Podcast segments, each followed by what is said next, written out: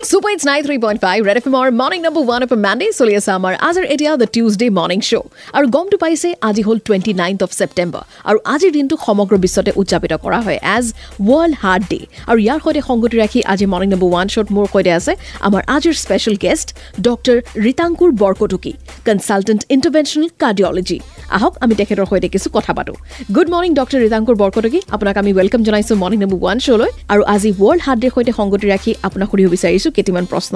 প্ৰথম প্ৰশ্নটি হ'ল ডক্টৰ যে which are the symptoms you should never miss to avoid complications from heart diseases কিছুমান লক্ষণ আমি কেতিয়াও মিছ কৰিব নালাগে কাৰণ হাৰ্টৰ বহুত লক্ষণ মিছ কৰাৰ কাৰণে বহুত ধৰণৰ অসুবিধাৰ সন্মুখীন হয় বহুত। পেচেণ্ট যেনে ধৰক বুকু বিষোৱা। বুকু বিষোৱা বুলি ক'লে সদায় এটা হাৰ্টৰ কথাই মনত আহে। গোটেই বুকুখন জ্বলি জ্বলি থকা বা বুকু বিষে হেঁচা মৰা হাতত বিষ আহা নাভিৰ ওপৰৰ যিকোনো বিষ আমাৰ হাৰ্টৰ হ'ব পাৰে। তেনেকে খুব। উশাহৰ কষ্ট হোৱা খুব ভাগৰ লগা মূৰ ঘূৰাই অজ্ঞান হৈ পৰি যোৱা বা বুকু ধপধপাই থকা এই লক্ষণসমূহ কেতিয়াও আমি অৱহেলা কৰিব নালাগে। ডক্টৰ এতিয়া আপোনাৰ পৰা জানিব বিচাৰিছোঁ যে what is sudden cardiac death আৰু ই হাৰ্ট এটেকৰ পৰা কেনেকৈ পৃথক? চাডেন কাৰ্ডিয়েক ডেথ হ'ল কি এটা হাৰ্টৰ ইলেক্ট্ৰিকেল প্ৰব্লেম য'ত আমাৰ হাৰ্টৰ যিটো গতি সেই হাৰ্টৰ গতিটো পৰিৱৰ্তন হয় আইতাৰ অত্যন্ত খুব জোৰকে হাৰ্টটো বিষ কৰা আৰম্ভ কৰে দুশ দুশ পঞ্চাছ যিটো ভেন্টিকুলাৰ ফিব্ৰিলেশ্যন বুলি কয় বা হাৰ্টৰ গতিটো ৰখি যায় বা এই চিষ্টলি বুলি কয়। ত' এইটো কাৰণ হৈছে বহুত ধৰণৰ কাৰণ হ'ব পাৰে। মুঠতে যিকোনো হাৰ্টৰ ইলেক্ট্ৰিকেল প্ৰব্লেম হয় হাৰ্টৰ গতিটো ৰখি গ'লেই হাৰ্টটো ৰখি যায় সেইটোকে চাডেন কাৰ্ডিয়েক ডেথ বুলি কয়। না